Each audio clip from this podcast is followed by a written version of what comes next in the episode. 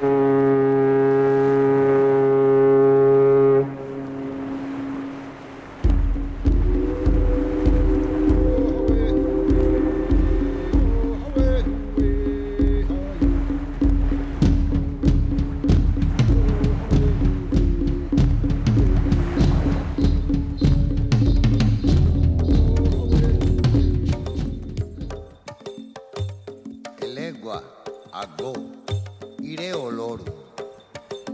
¿Qué tal estáis? Bienvenidos a Levando Anclas.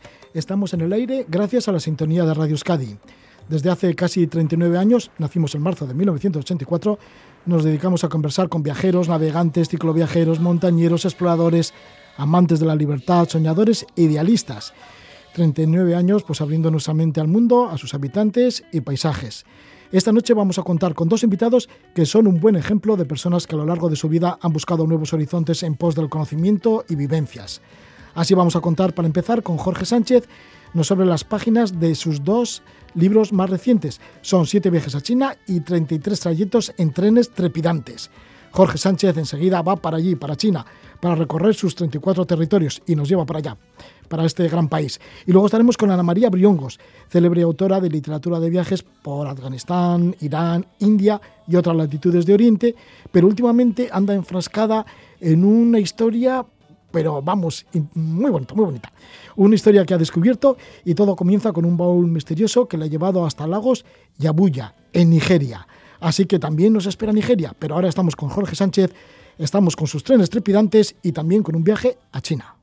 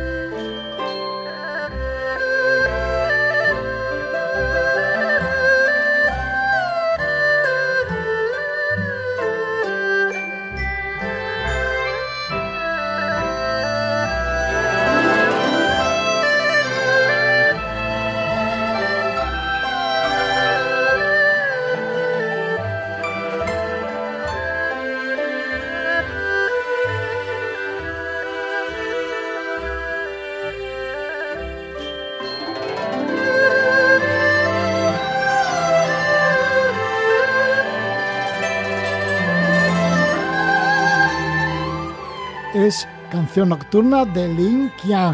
Nos vamos hacia China y lo hacemos a través de un libro que lleva el título de Siete viajes a China, un recorrido a través de sus 34 territorios. El autor es el buen amigo de Levando Anclas, Jorge Sánchez. Jorge Sánchez, que nació en Hospitalet de Llobregat en enero de 1954. Es un habitual de Levando Anclas después de que llegara de su viaje a Afganistán en el año 1989.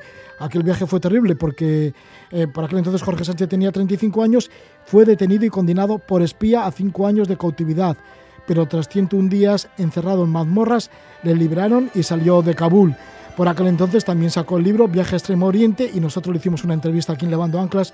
Y desde entonces hasta ahora, bueno, pues Muchas han sido las conversaciones que hemos tenido con Jorge Sánchez, y es que a partir de esta entrevista inicial nos fue enviando postales de los lugares más insólitos de la Tierra. Jorge Sánchez dio siete vueltas al mundo y en el año 2003, con 49 años, finalizó todos los países de la Tierra, siendo el primero en hacerlo en el Estado español. De sus andanzas, pues hasta el momento ha escrito 29 libros y vamos a repasar las páginas del último, que es Siete viajes a China, y también el antepenúltimo, que se titula, un título muy bonito, 33 trayectos en trenes trepidantes. Pero antes de llegar a esos trenes trepidantes, antes de subirnos a los trenes trepidantes, le saludamos a Jorge Sánchez. Muy buenas noches, Jorge. Hola, muy buenas noches. Eh, gracias por invitarme de nuevo. Sí, Jorge, mira, cerrando un poco el círculo después de que nos hemos conocido durante tantos años, ¿volverías a Afganistán para romper ese recuerdo negro que tienes? Es de volver, es de volver, porque he estado dos veces y ambas han sido nefastas las experiencias. La primera estuve en el mismo frente de Jalalabad, donde veía a los que me disparaban a 100 metros de distancia. Yo era periodista, ojo, yo no, jamás cogí un Kalashnikov, ni siquiera un tirachinas. Eh, pero bueno, mm, me disparaban y me caían bombas por la noche durante una semana entera en el frente. Y la segunda vez, cuando volví a Afganistán, me metieron en la cárcel 101 días, en, las mazmorras, en Pulichargi, una prisión ah, en, las afueras de Kabul. Y a veces tengo pesadillas y me acuerdo de esos tiempos, que lo pasé muy mal, casi sin comer, delgado me quedé. Y por eso quiero hacer un tercer viaje, a ver si puedo este año, pero en plan lúdico, visitar los sitios turísticos, ir a hoteles, comer tres veces al día. O sea que quiero volver. Y Jorge, sí que me gustaría para conocer cómo viajas, porque siempre me ha llamado la atención, ya sé que viajas mucho en solitario, la mayor parte en solitario, pero siempre me ha llamado la atención de cómo puedes viajar tanto, de cómo te metes en los lugares, de cómo has aprendido tantos idiomas. Mm, tienes que ser una persona como muy inquieta, ¿no? Desde muy niño. Bueno, en ese aspecto sí, pero aprendo las lenguas porque mm, con el español, inglés y francés no llegas a muchos sitios. Claro, en Europa sí, en toda América y en algunas partes de África, pero en Asia ya no. En Asia necesitas, en primer lugar, el chino, que yo antes de comenzar mis siete viajes a China comencé por Taiwán, hice un curso de varios meses para por lo menos eh, poder defenderme en lo más básico, porque allí no te hablan eh, lenguas europeas. Luego, otra lengua también muy importante es el ruso, porque hay muchos países que hablan el ruso eh, no solamente en, Rusia, sino también en Asia Central. Y bueno, el árabe, que es el sexto idioma eh, más importante y que también es oficial, es una lengua de trabajo en las Naciones Unidas, ya no es tan importante porque mm, en todos los países árabes te hablan una segunda lengua europea, sea el inglés o francés. Por lo tanto, yo me concentraría en estas cinco y las aprendí. No a nivel eh, profesional, no podría ser traductor, pero para defenderme a nivel viajero sí. Y en chino lo primero que hice fue ir a Taiwán durante varios meses lo estudié y además mm, hasta me surgió una novia china que me ayudaba por las noches para poder mm, eh, defenderme en lo más básico que, y lo conseguí, ¿eh? porque luego hice los siete viajes y gracias a los conocimientos que tuve de, Taiwán me pude defender y salir adelante eh, en todas las circunstancias. luego me mm. gusta aprender sobre cada país. De los grandes he de conocer a la fuerza todas sus provincias. Si voy a Estados Unidos, he de conocer sus 50 estados, si no en un viaje, en varios. Si voy a Rusia, las 85 partes. En la India también, India es mi país favorito, y en varios viajes conocí sus 36 sujetos que ellos llaman, o sea, provincias y, regiones del país. Y entonces en China pretendí lo mismo, que son 31 partes más la provincia rebelde que llaman los chinos a Taiwán, porque ellos consideran que, es de ellos, aunque mm, no estén en las Naciones Unidas, es un país distinto, tiene su propia moneda, ejército, en fin, aunque hablen el chino mandarín. Y luego eh, dos provincias o mm, eh, ciudades especiales que son Hong Kong y Macao. Y lo conseguí. Después de 12 meses intensos, netos de mi vida en China, conseguí eh, conocer todas las 34 partes y es lo que plasmo en mi libro actual, el de Siete viajes a China. Sí, fíjate qué empeño el de China, ¿no? En total, pues sí, como dices, has acumulado 12 meses, has invertido un año de tu vida en conocer todas las provincias y autonomías de China, sus 34 territorios que aparecen en este libro, en estos siete viajes a China. Y el primero cuentas que fue a Taiwán y fue para aprender chino mandarín. Exacto, y allí yo viajaba con poco dinero, además acababa de, de salir, mm, vamos, pobretón completo. Había estado en un monasterio zen, budista zen, en el norte de Kioto y allí pues mm, eh, iba trabajando, eh, en fin, cogiendo algas en, en, el mar o bien eh, bambú, ¿no? Con una picoleta. Y entonces iba casi sin un duro, por lo que tuve que trabajar y estudiaba por la noche, gracias a una novia que tuve, mm, que ella me daba clases particulares, intensas, por la noche, casi hasta la madrugada. Y luego ya me fui a Hong Kong y Macao. Luego me marché hice un viaje a Corea y después volví y emprendí mi segundo viaje de tres meses, que ahí ya sí que profundicé mm, porque llegué a conocer 10 mm, partes de, de las 34. Eh, o sea, empecé por, fíjate, Wuhan, que ahora es tan famoso por lo del COVID, ¿no? Que empezó en un laboratorio de Wuhan, es lo que dicen. Y allí me embarqué en el Yangtze, que es el tercer río más largo del mundo. Eh, China tiene tres colocados en los diez más largos del planeta. Uno es el Yangtze, que lo cogí durante cinco días hasta eh, llegar a Shanghai, luego es el amarillo, que también navegué, navegué por él, y finalmente en el Heilongjiang, o sea, Dragón Negro, que es el Amur, que hace frontera con Rusia. O sea, he conocido los tres más grandes de, de China, que están colocados entre los diez primeros del mundo. Seguro, mm, Jorge, que conoces esos diez ríos más largos del mundo. Sí, claro, el Amazonas, eh, bueno, he estado tres meses, eh, empecé en Belém, eh, de Pará hasta, hasta Manaus, luego seguí por el Río Negro, luego volví por el Madeira, o sea, en total he invertido tres meses navegando por el Amazonas y varios de sus tributarios, como el Madeira, que es el más interesante de todos. Sí, y luego, por supuesto, por los ríos de Rusia, he navegado por el Obi, tanto por el Yenisei y por el Lena, o sea, porque son los tres, además de por el Amur, hasta con Somos, Amur, y por el Nilo, por supuesto. Por el Nilo solamente he hecho en Feluca durante cinco días de Luxor a Aswan. ¿Cómo te fue por el río Yangtze, ese viaje que comentas de Wuhan a Shanghái? Bueno, en, el libro además eh, es interesante porque el que se interese por la historia de China, que digo una cosa, el que profundiza en China es imposible no amar a este país. Es tan increíble, es mi segundo favorito después de la India.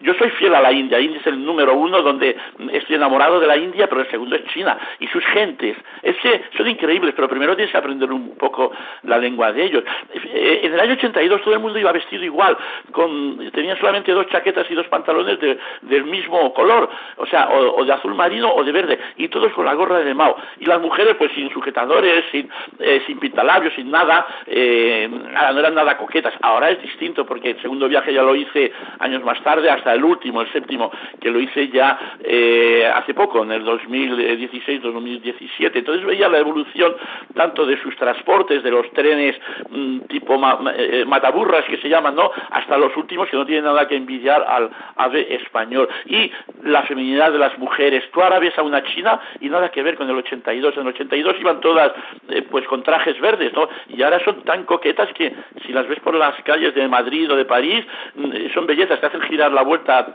para atrás porque son estilizadas, preciosas y muy femeninas. O sea que en, estos, en estos siete viajes he visto la evolución del pueblo chino y me he enamorado cada vez más de él, pero sigo siendo fiel a mi primer amor que ha sido la India. Sí, sí. Y en el segundo viaje de tres meses por diez provincias chinas, te acompañó Catherine, ¿no? Una chica ah, inglesa. sí, bueno, eh, entonces estaba delgadito, eh, el pelo negro, y, ahora ya no, ahora ya no tengo donde caerme muerto. Bueno, ahora menos mal que tengo a mi esposa y tengo una familia, pero entonces pues, quieras o no, eh, ligas bastante, te lo digo de verdad, cualquier jovencito que vaya por, que sea viajero, y no solamente entre las mozas locales, sino entre las propias viajeras. Entonces conocí a una chica inglesa y viajamos juntos durante varias semanas. Comenzamos porque ella también se interesaba por el budismo, como yo, y yo había estado en un monasterio zen al norte de Kioto durante varios meses, aprendiendo el japonés y, el arte de vivir según los budistas. Y entonces viajamos juntos hasta Xinjiang, que, que es una de las cinco autonomías que tiene China, porque eh, tiene cinco, o sea, está Mongolia Interior, está el Tíbet, Xinjiang, y luego está la musulmana Ningxiang, y, la frontera con Vietnam tiene Guangxi. Entonces viajamos juntos visitando eh, monasterios y sobre todo las ruinas budistas. Empezamos en Datong y acabamos en la de Beceklik, mm, pasando por la de Mogao, en Gansu. Gansu es una provincia de la ruta de la Chena, de, la Seda, perdona, que es la que se va y la que siguió mi, viajero favorito, para mí el mejor viajero de todos los tiempos, Xuanzang, que era un monje budista que empleó 17 años en un viaje en el siglo VII, ¿eh? en el 600 y pico, hasta que llegó a la Universidad de Nalanda, en Bihar, en India. Le he seguido los pasos, he ido por todos los sitios que él también ha ido. Igual algún día escribo una biografía de él, pero habiendo estado en todos los lugares. Entonces con esta chica luego nos separamos, porque ella era rubia, con ojos azules, y yo quería penetrar como fuera en la entonces ciudad prohibida de Kashgar, la capital de, Xinjiang, la histórica, porque hoy en día creo que es Urumqi. Entonces ella no podía porque la hubieran capturado, y yo me, disfracé de ugur, me dejé la barba varias semanas, me compré atuendos, un turbante y logré penetrar en Kashgar. Con ella hubiera sido imposible. Aquí, así que nos separamos. Luego ella se casó con un francés y se fue a vivir a, la Guayana francesa. Sí, bueno, por la historia y los destinos y los viajeros y con quién te juntas, con quién no. Todo eso lo, describo. Además del pueblo chino y su, eh, sus características y luego no solamente esto, es que tienen una cultura increíble. Nos perdemos tanto los europeos con nuestra mm, cultura egocéntrica basada pues en sí que es interesante también en Roma, en, en, en Grecia, etcétera, pero ellos tienen unos poetas increíbles, pensadores, no solamente Confucio y Lao Tse, sino tienen muchos más y viajeros que, que, que superan hasta incluso a Marco Polo. Entonces me interesaba, lo primero que hacía es visitar los museos, contactar a las gentes locales, gracias a mis conocimientos de chino, estudié también la historia, las dinastías, en fin, hasta la última, hasta la Manchu, que acabó en 1912. Entonces, mi libro es muy didáctico, aparte de aventurero, porque penetraba en los sitios prohibidos, ¿no? Disfrazándome, o, bien hasta incluso llegué a Lhasa, en el Tíbet, y de ahí ya, eh, bueno, mm, no fui en tren, ¿eh? Porque fui antes de que se inaugurara el tren en el 2006, yo estuve en el 2004, y llegué, tuve que coger el avión a la fuerza Chengdu, una de mis provincias favoritas, que es, eh, eh, porque ahí es la mejor cocina, ¿no? La, la, la, cocina de Sichuan. Entonces, eh, desde ahí tuve que volar hasta Lhasa, donde pasé pues varias semanas conociendo las cuatro variantes del budismo tibetano, porque me intereso mucho por las religiones. ¿Cuál es la sensación de un viajero ante el Palacio de Potala, ya que has comentado lo de Lhasa, ¿no? Que volaste hasta allí, hasta el Tíbet?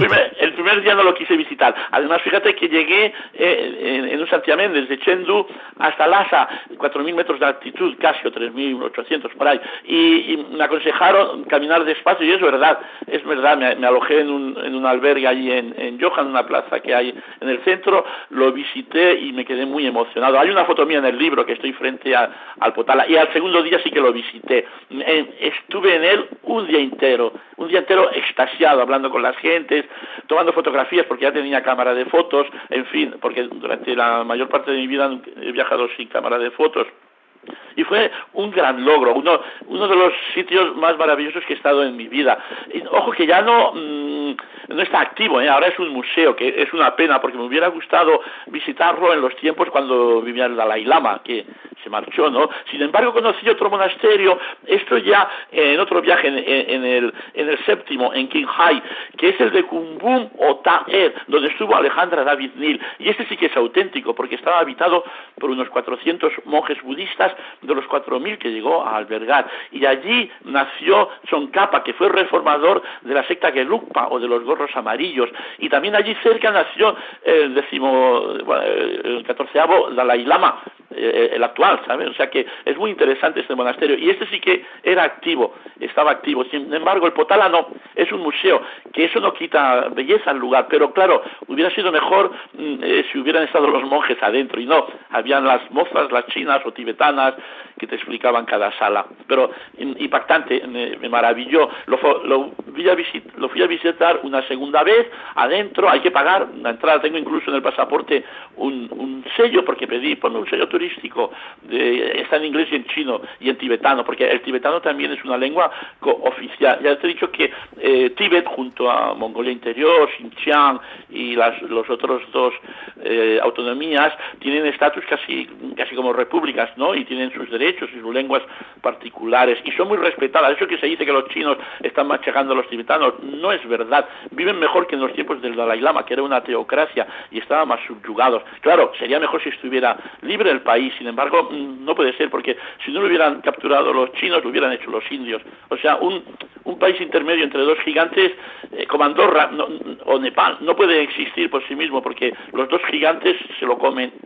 sí, bueno, hay cantidad de refugiados también tibetanos que a ver lo que pueden contar, ¿no? De, yo preferiría que fuera un país la invasión de su país. Y, se han marchado. Yo fui a ver a visitar luego en un viaje posterior en India, en MacLeod Ganj, eh, al Dalai Lama, que no estaba, estaba en Costa Rica, pero pedí citas y me la concedieron, pero no me pude esperar porque me caducaba el visado eh, indio y me tuve que marchar. Pero hay muchos tibetanos, sí, en, en, el pequeño Tíbet, en Ladakh sobre todo, en sí, al norte de India. Sí, en el norte de la India, noroeste. Sí, y en ese último viaje que estamos hablando de este libro, Siete viajes a China, estamos con Jorge Sánchez, un recorrido a través de sus 34 territorios.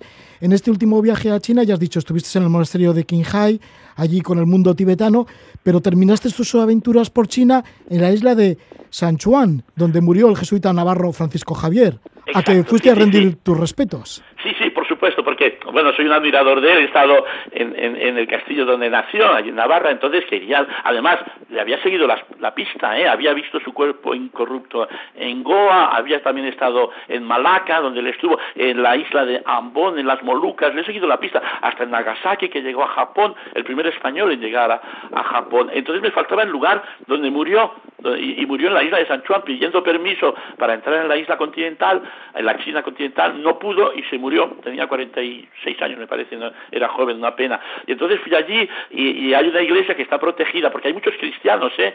en China, hay más protestantes que católicos, pero es un lugar de peregrinaje sobre todo para los japoneses. Entonces yo fui, me quedé un día entero y una noche, pedí permiso, me enseñaron dónde había estado su cuerpo incorrupto, que hoy está en, en Goa, en Panachi, en, en, la India, y bueno, y fue un día feliz, porque al día siguiente ya me marchaba, me iba a Hong Kong y de ahí ya acabé, fue mi, el final de, de mis 12 meses enteros íntegros en China y, el final de mi séptimo viaje. O sea que fue un final feliz porque me dio mucha, una gran sensación, un buen sabor de boca haber estado donde murió nuestro San Francisco Javier.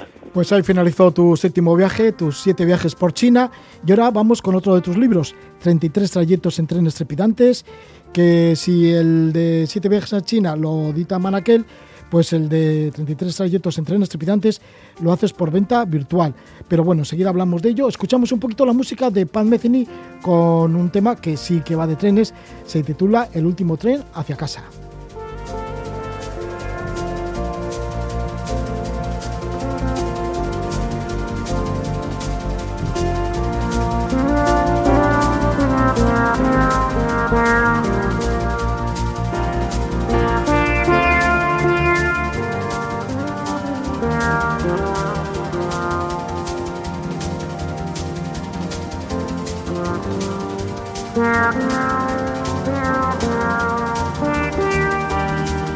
Continuamos en Levando Anclas y con Jorge Sánchez. Después de habernos hablado de sus viajes a China, ahora vamos a ir con 33 trayectos en trenes trepidantes. Vaya título, qué bonito. Y bueno, pues aquí aparece, eh, ha seleccionado 33 países y 33 trayectos de trenes, pues eso, que le han encantado, que se ha emocionado muchísimo con sus paisajes. ¿Por qué esta selección de 33 países y 33 trayectos? ¿Y por qué estos trenes trepidantes?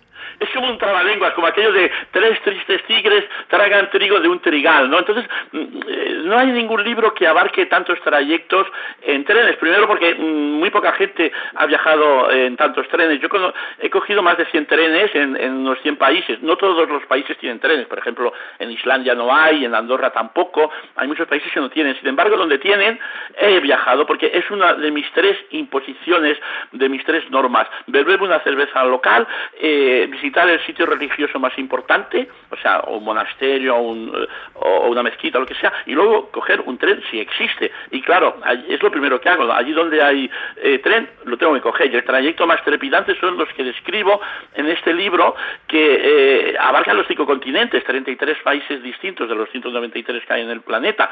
dedico pues a Europa varios, por ejemplo el transiberiano en Rusia, o, en Noruega, que hay algunos estupendos, o el Verdina Express en Suiza. En España eh, hablo del, de Soller en, en, Mallorca, que además es patrimonio de la humanidad porque se atraviesan zonas que están en UNESCO. Bueno, luego ya me voy a Asia, donde pues en Arabia Saudita, eh, eh, incluso en, en, China hablo del tren hasta Lhasa, porque en uno de mis viajes, en el séptimo precisamente, eh, cogí el tren de Lhasa, aunque ya había estado, pero cogí que es uno de los cinco más largos del mundo, después del transiberiano, que son 9.300 kilómetros, luego está, el, eh, está este de, China, luego hay otro en la India, está Kanyakumari, que también lo cogí, y luego eh, con el que cierre el libro, eh, el número 33, que el Indian Pacific, desde Perth en Australia hasta Sydney, que son cinco días. Sin embargo, no lo aconsejo mucho porque es demasiado aburrido ese trayecto. No te dejan bajar en las estaciones, nada más que a veces un minuto, nada más, te prohíben casi todo. No hay vida social como en la India, pero bueno, lo hice porque es mi obligación viajar también en tren. Pero entonces los describo todos. Desde luego los más interesantes son los de África, ¿eh? empezando por el Lunatic Express desde Mombasa a Nairobi, que hay una peli que los leones se comían a los obreros de la India, pues seguro que mucha gente, la, muchos de nuestros oyentes la han visto, o el de Mauritania, el tren del hierro, en fin, eh, he cogido los más mm, trepidantes. Sí, y también los más largos, ¿no? Como el transiberiano, que ya eres un gran experto porque tienes tu familia en Siberia y siempre vas en el transiberiano. Luego, bueno, pues el que has dicho, el que va a Lhasa, que también es bastante largo, el de Toronto a Vancouver y también el de Indian Pacific, que va de Perth a Sydney, o sea, desde el Índico al Pacífico que se atraviesa el desierto, ¿no? Yo me quedé un poco decepcionado, además que es muy caro y, bueno, y a bordo pues la comida es carísima en Australia en principio, ¿no? Y ahí te venden pues hamburguesas de canguro y otras cosas y bueno, menos mal que yo me había comprado en Perth varios productos, eh, bocadillos de mortadela y gracias a esto sobreviví hasta llegar a Perth. Pero bueno, describo porque es interesante igualmente, pero no tanto. Lo pasé mejor en la India o en los trenes de la China y otros también muy interesantes, por ejemplo, en Estados Unidos el de Nali, estar en Alaska, que ves el pico de Nali, que es el más eh, alto, eh, más elevado de América del Norte. Luego en México el, de Chihuahua a, a, los Mochis, ¿no? El, Chihuahua Pacífico también, que es interesantísimo. O el de Panamá de costa a costa, desde Colón hasta Panamá. O sea, hubiera escrito más 50, pero me gustaba el número 33 y para que no se hiciera demasiado largo el libro y igual pesado, pues lo, corté ahí. Pero he seleccionado los transportes más, los trayectos más interesantes. Y mira que conozco más de 100, ¿eh? O sea que estos 33 son la creme de la creme de los trenes que existen en el mundo. Y además, son los he cogido en plan backpacker, o sea, mochilero, nada de, por ejemplo, no conozco el Orient Express porque es carísimo, el, Transcantábrico o el Andaluz, al contrario. Mm, está previsto este libro para que lo lea un amante de los eh, viajes en tren y al mismo tiempo con, un presupuesto moderado, eh, que no se gaste demasiado dinero. Uno de los más baratos y, escénicos es en la India, el de Darjeeling, que se, llama el Toy Tren. Hay tres, ¿no? El, tren de juguete, que este es fantástico, fantástico, es de los que más me han gustado. luego también, pues, en, Irán hay uno muy interesante. y luego O, el tren de en Corea del Norte, que también... Oye, el de Corea del Norte sí, también, también. Y este llegué, porque Ahí estuve solo. En Corea del Norte no puedes viajar por tu cuenta. A todas partes tienes un chofer, un guía. Es obligatorio, ¿eh? no puedes ir por libre. Sin embargo, a la vuelta sí, porque yo dije, no, yo no quiero volver a Pekín en avión, porque yo había comprado el tour, me obligaron a comprar un tour en Pekín, en la Embajada de Corea del Norte, en Beijing. Entonces dije, no, yo la vuelta en tren, porque me voy a Rusia y tengo el visado de Rusia y me lo concedieron y me dejaron libre. Entonces visité por el camino poblados sin estar acompañando por, acompañado por el guía local bebiendo cervezas de Dinamarca, Turbo, no sé cómo se llaman, gratis, nos invitaban en el tren a beber cervezas gratis, yo bebí un montón, de que me dio trompa a China, a, un puente que se llama, eh, nación se llama Dandong o algo así, cruzando el, el, el, puente de la amistad. Y bueno, y, conocía los pueblos porque me daba tiempo en las paradas de acercarme y la gente sorprendida, hasta se asustaban y, se echaban para atrás.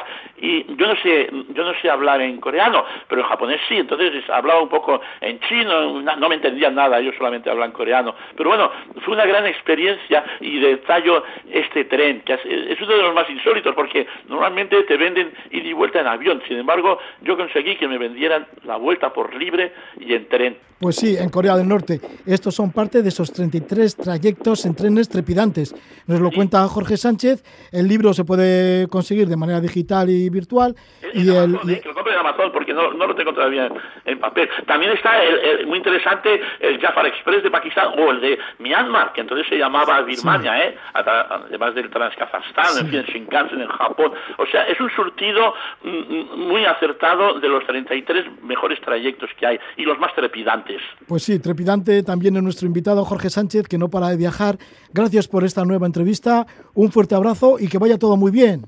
Muchas gracias a ti por invitarme, ¿eh? encantado de hablar con vosotros. Buenos destinos, muchas gracias. Gracias, adiós. Jorge Sánchez con nosotros y ahora pues otra gran viajera, Ana María Briongos, nos habla de un baúl misterioso que le ha llevado a viajar hasta Nigeria.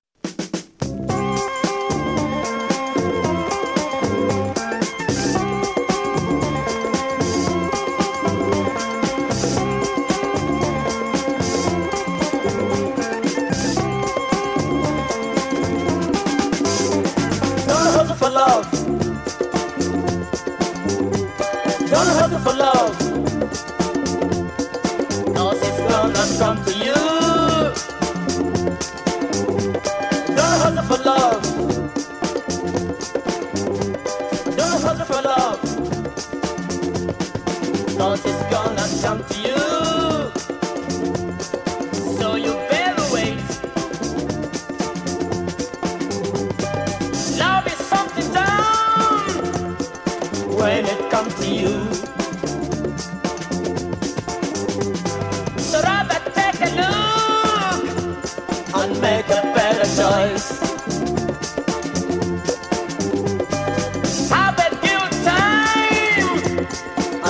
It's.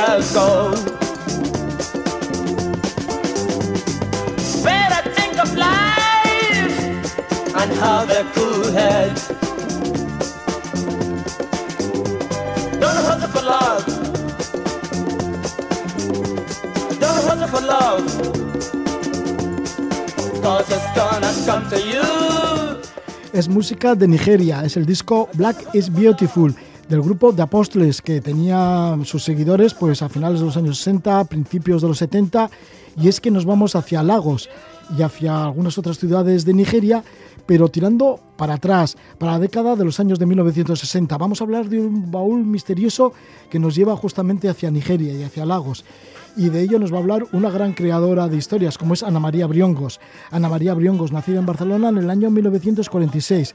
Como digo, es una buena creadora y descubridora de historias. Se inició contando sus viajes en libros, eh, viajes que hacía a Irán o Afganistán. Así nació Un invierno en Kandahar, Negro sobre Negro, La cueva de Alibaba. Todos estos títulos pues, han sido y son ya unos clásicos de la literatura de viajes. También se metió de lleno en la India con su libro Esto es Calcuta y luego llegarían otros libros de viajes como Geografías íntimas. Ana María Briongos, que tiene grandes amigos en diferentes partes del mundo, amigos afganos, amigos iraníes, indios, estadounidenses y en los últimos tiempos está detrás de la historia de una familia nigeriana cuya relación comienza en la década de los años de 1960. Es el relato del baúl misterioso. Comienza con Manuel Oyenuga, un artista nigeriano que estudiaba en la Escuela Masana de Bellas Artes de Barcelona. Residía en una pensión en el barrio antiguo con su mujer Elizabeth. La madre de Ana María Briongos los conoció en la escuela y los invitó a casa y se hicieron amigos. Manuel y Elizabeth vivían de una manera humilde, él restauraba edificios y rejas de Gaudí y ella trabajaba en una peluquería, aunque Manuel procedía de una familia aristócrata de la etnia Yoruba en Nigeria. Al cabo de unos años se fueron con la intención de instalarse en Londres. Dejaron a la familia de Ana María Briongos pues un baúl, un baúl con algunas de sus pertenencias que guardaron en el cuarto trasero del sótano. Y es que los propietarios del baúl, Manuel y Elizabeth, creían en pócimas curadoras, en, misteriosos, en misterios extraños, y más de una vez pues comentaron que las cajas cerradas ajenas no se pueden abrir, pues encierran el espíritu del propietario. Así que una vez que se fueron a Londres, parece ser que hubo como dos llamadas telefónicas, pero ya nunca se supo de Manuel y Elizabeth. ¿Qué ha sucedido con ese baúl misterioso? Pues que han pasado más de 40 años y el baúl seguía intocado en la habitación del sótano de la madre de Ana, María Briongos. La madre de Ana María Briongos, que se llama Luisa Guadayol, que ya en su tiempo también le hicimos una entrevista aquí en este programa Levando Anclas. Bueno, pero no lo hicimos sobre Nigeria ni sobre el baúl. Bueno, pues ¿qué ha sucedido con el baúl? Nos lo cuenta Ana María Briongos, que para empezar, de momento le ha llevado ese baúl hasta Nigeria. Vamos a saber esta historia. Ana María Briongos, bienvenida, muy buenas noches. Muy buenas noches, Roge y oyentes. Bien, Ana María, pues como digo, siempre con buenas historias por detrás, ¿no? Porque fíjate, ya cuando eras muy jovencita, con 20 o 21, 21 años, te fuiste por la ruta de los hippies hasta Kandahar, hasta Afganistán, escribiste un libro, luego estuviste estudiando eh, persa en Irán durante años, luego fíjate, con el tiempo también has llegado a Calcuta por fin, y ahora la historia de Nigeria. ¿Cómo ha sido encontraros o reencontraros con este baúl? Esta historia de Nigeria ha sido una sorpresa, porque yo nunca había pensado en ir a parar a África. Para mí, eh, mi mundo era el mundo de Oriente, pero, pero apareció este baúl y, y lo ha trastocado todo. En realidad, este baúl mm, estaba olvidado como has dicho muy bien, en el sótano de, casa de mi madre.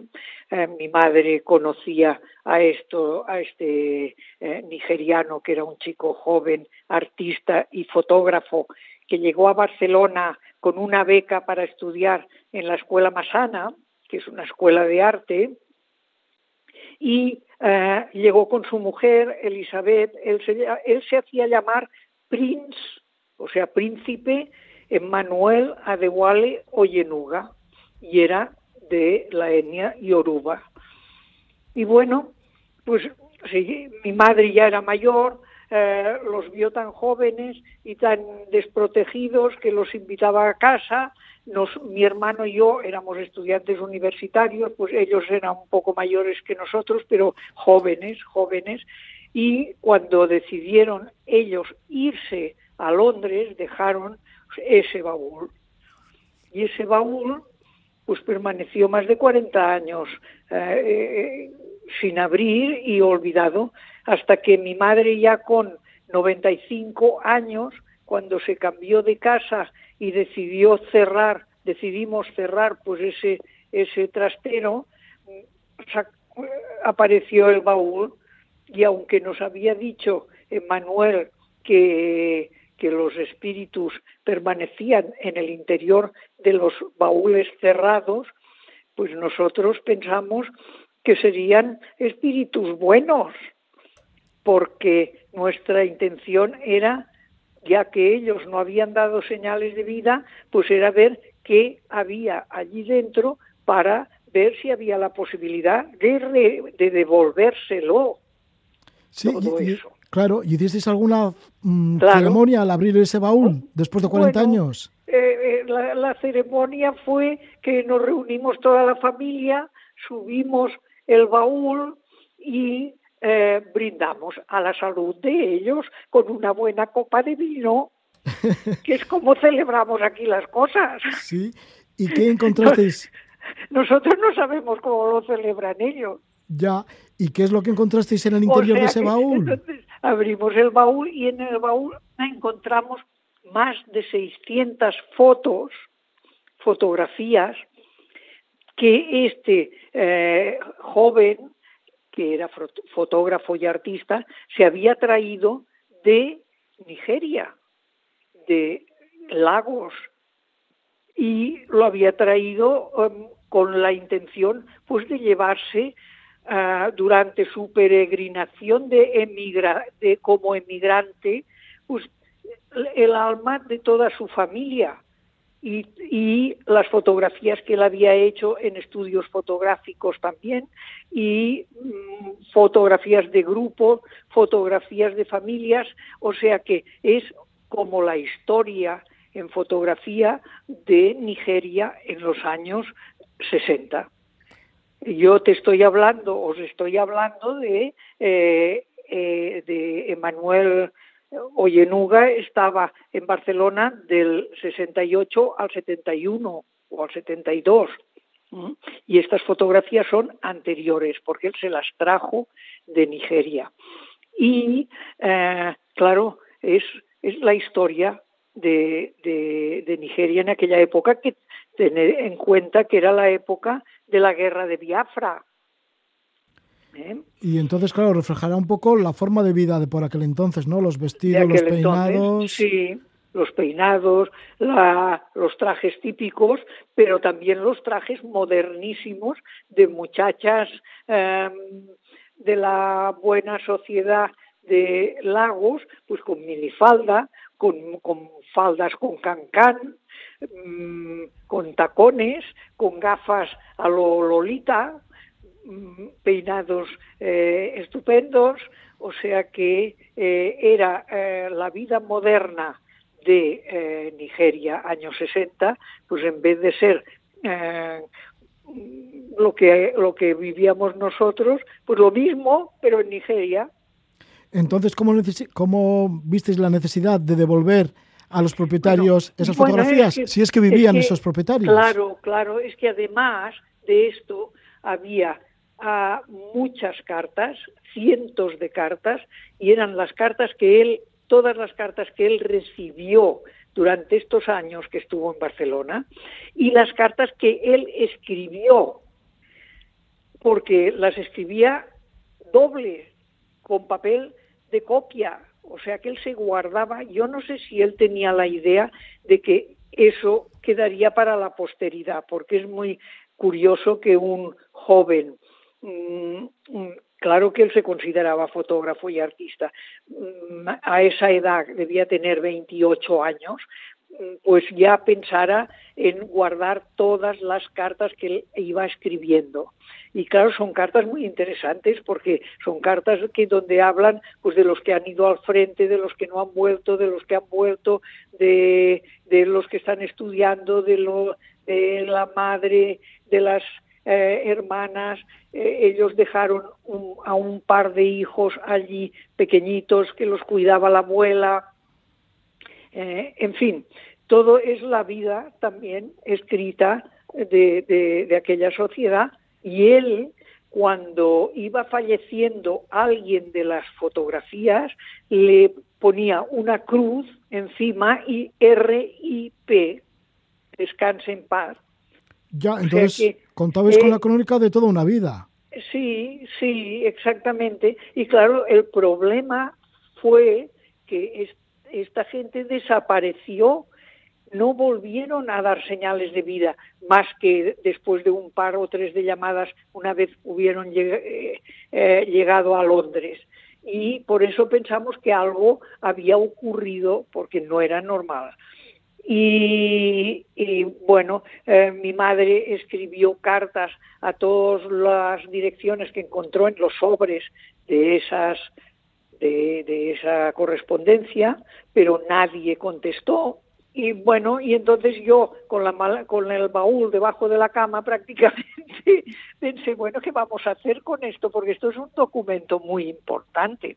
A través de una, eh, unos coleccionistas de fotografías de aquí de Barcelona, de Colectania, les enseñé este, este archivo me dijeron que les parecía muy interesante y me dieron la dirección de un em, comisario de exposiciones eh, africano de Nigeria, y que es el que organiza el Festival de Fotografía de Lagos. Le, le escribí un email, le mandé fotografías de estas escaneadas y le conté la historia y me dijo que le interesaba muchísimo y entonces me mandó a un historiador de arte y de fotografía que vive aquí cerca de Barcelona para que viera estas fotos y dijera si verdaderamente eso era interesante o no. Y este, esta persona dijo que sí, y a partir de aquí, pues el nigeriano con una eh, estudiosa de Berlín y otra de Colonia de la Universidad de Wuppertal y pues organizaron un equipo para estudiar ese, ese archivo, escanearon todas las fotografías, escanearon todas las cartas, las que estaban escritas en inglés pues ya las entendíamos, las que estaban escritas en yoruba las han hecho traducir y eh, hemos buscado en, en, los mapas de lagos todas las direcciones.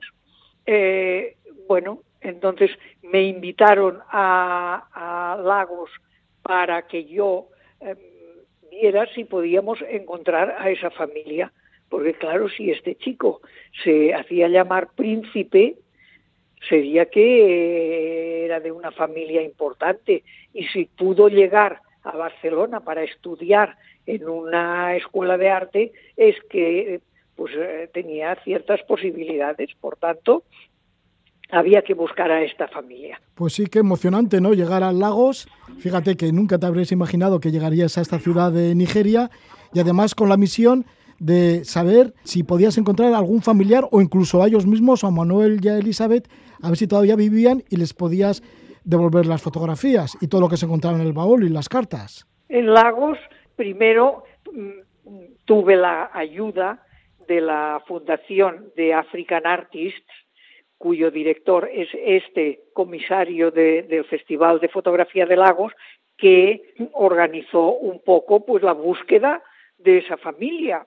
Y eh, fuimos eh, por las calles de Lagos buscando las direcciones que yo llevaba de los sobres donde eh, habíamos estado recopilando es muy difícil encontrar una dirección en Lagos. Lagos es una ciudad caótica con una cantidad de, de coches impresionante, con mucha gente, uno colorido espectacular y una ciudad con agua y con islas, por tanto, de difícil manejo. Bueno, entre toda esta dificultad, pues encontramos la casa de la familia Oyenuga. Era una casa grande, con un letrero en la parte superior, grandes letras que ponía Casa de la familia Oyenuga, 5 Origiri Street, que es eh, la dirección que nosotros teníamos. Y claro, eso fue una sorpresa y una gran ilusión porque como mínimo sabíamos que eso era cierto y que existía la casa, pero la casa en la casa ya no vivía nadie de esa familia. Y una vecina de otra casa, de una tienda cercana, nos dijo que tenía el teléfono de una tía que no vivía en Lagos, pero que era de esa familia. Y nos dio el teléfono. ¿Y entonces le llamaste a la tía de Manuel? Y entonces yo ya me volví a Barcelona y dejé, bueno, se quedaron encargados los, los eh, de esta asociación para buscar a la tía. Esa tía no vivía en Lagos, no vive en Lagos, por tanto, eh, vive en un pueblo alejado, la tenían que contactar, que invitar a Lagos para enseñarle las fotografías y para preguntarle qué había pasado con Emanuel y con su esposa. Y sí, sí, consiguieron hablar con ella, ella fue a Lagos, vio las fotos, reconoció a su, ella es la sobrina, ella es la hija de la hermana mayor de Emanuel Adewale. Y contó pues que su tío había muerto en un accidente de coche en el año 79, o sea, muy pronto, muy joven. Por eso nosotros no supimos nunca nada más de, esta, de esa familia. ¿eh? Teníamos que seguir el hilo. El hilo era que eh, la mujer de Adewale sí que vive, Elizabeth, y tiene un hijo que se llama Doyin, que vive con ella. Claro, eso ya ha sido una sorpresa muy grande. ¿Y Elizabeth en dónde vive? ¿En Lagos o en, Lagos? Viven en Lagos, viven en Lagos. Emanuel murió en un accidente de coche en Nigeria, en un viaje que hizo a, Nigeria. O sea que eh, se, toda todo la idea de, de prender una nueva vida en Londres para mejorar su situación se fue al traste porque este eh, hombre murió joven y, ella pues debió quedar mm, desamparada y volvió a Lagos y, allí ha quedado. ¿Y habéis, dado, habéis dado con ella, con Elizabeth? Sí, bueno, pero eso es una cosa de hace una semana. Y yo mm, llamé por teléfono a través de WhatsApp y no me contestó nadie. Llamé otra vez por teléfono, eso la semana pasada. Sí. Eh, y llamé otra vez por teléfono, tampoco. Escribí un mensaje por WhatsApp contándole un poco la historia, escribí otro mensaje, volví a llamar, nada, y finalmente escribí el tercer mensaje, dije, este, bueno, este es el definitivo, o aquí ya no tenemos nada que hacer. Y este último mensaje yo le decía que I am an old woman, soy una mujer mayor de 75 años. Yo conocí a tu madre y tu madre me enseñaba fotografías tuyas de cuando eras pequeño y me hablaba mucho de ti porque tú te habías quedado con los abuelos en Nigeria. Y mm, yo, mi madre y yo éramos muy amigas de tu madre y nos gustaría saludarla y verla y además pues pues tenemos una serie de fotografías que eran de tu padre, que era un artista importante, y nos gustaría pues que, se le reconociera y que y que, y que eh, vosotros pues lo, lo, recuperarais.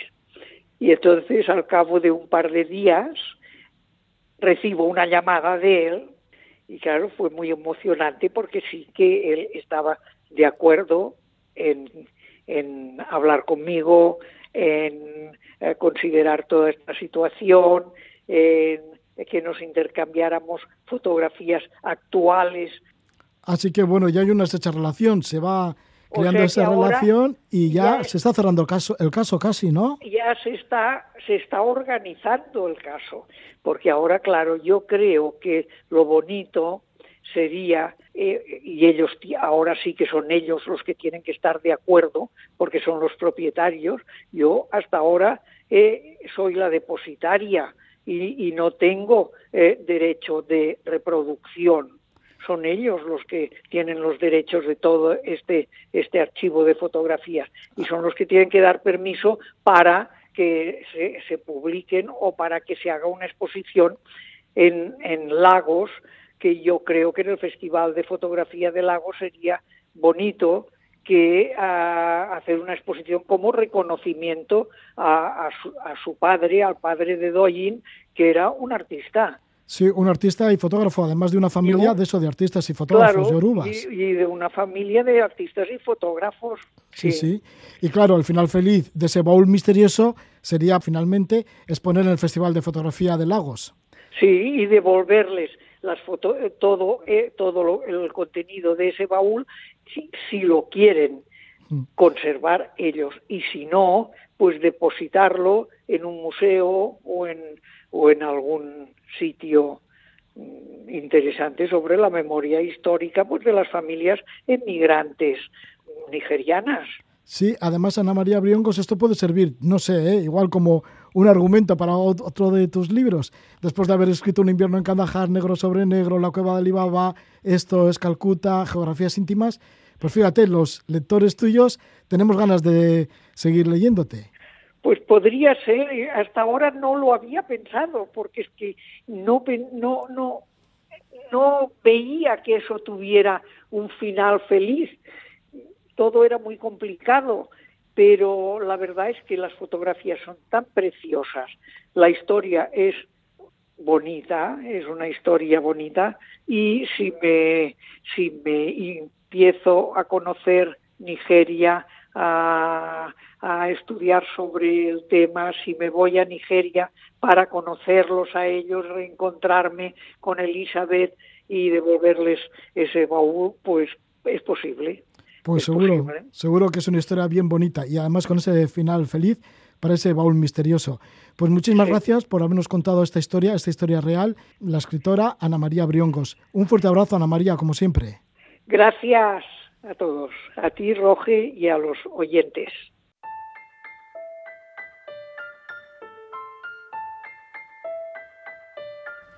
Gracias a Ana María Briongos, a Jorge Sánchez por tantos años de compañía y por supuesto a los oyentes siempre presentes y siempre queridos. Este es el penúltimo programa que grabamos de Levando Anclas. Está sonando la música de Errayak con el tema Loreak. Muchas gracias por la escucha, que vaya todo bien, dulces sueños.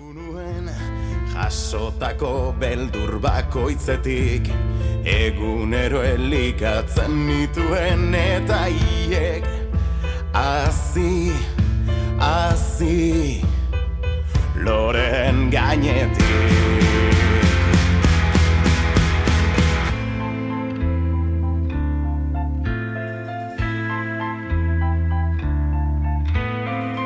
Loreak zimeltzen ziren Soñeko ilusio bakoitza erauzi.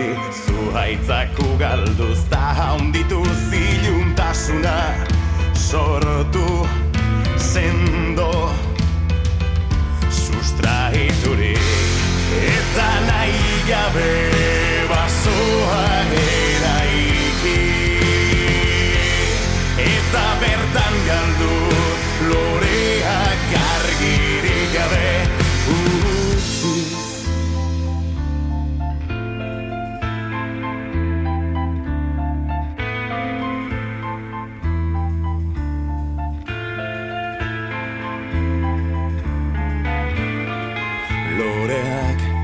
Loreak suspertzekotan Argi izpien beharra senti.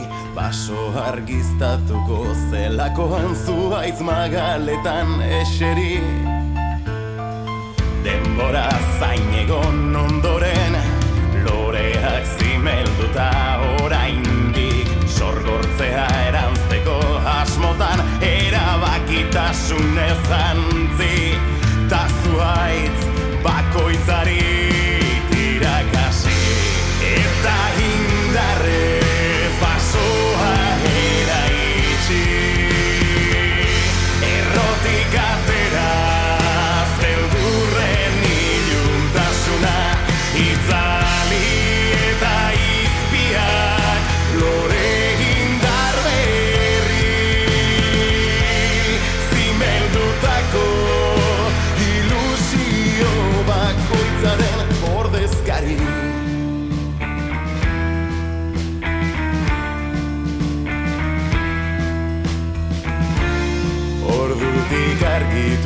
argitutako gune oro araztu.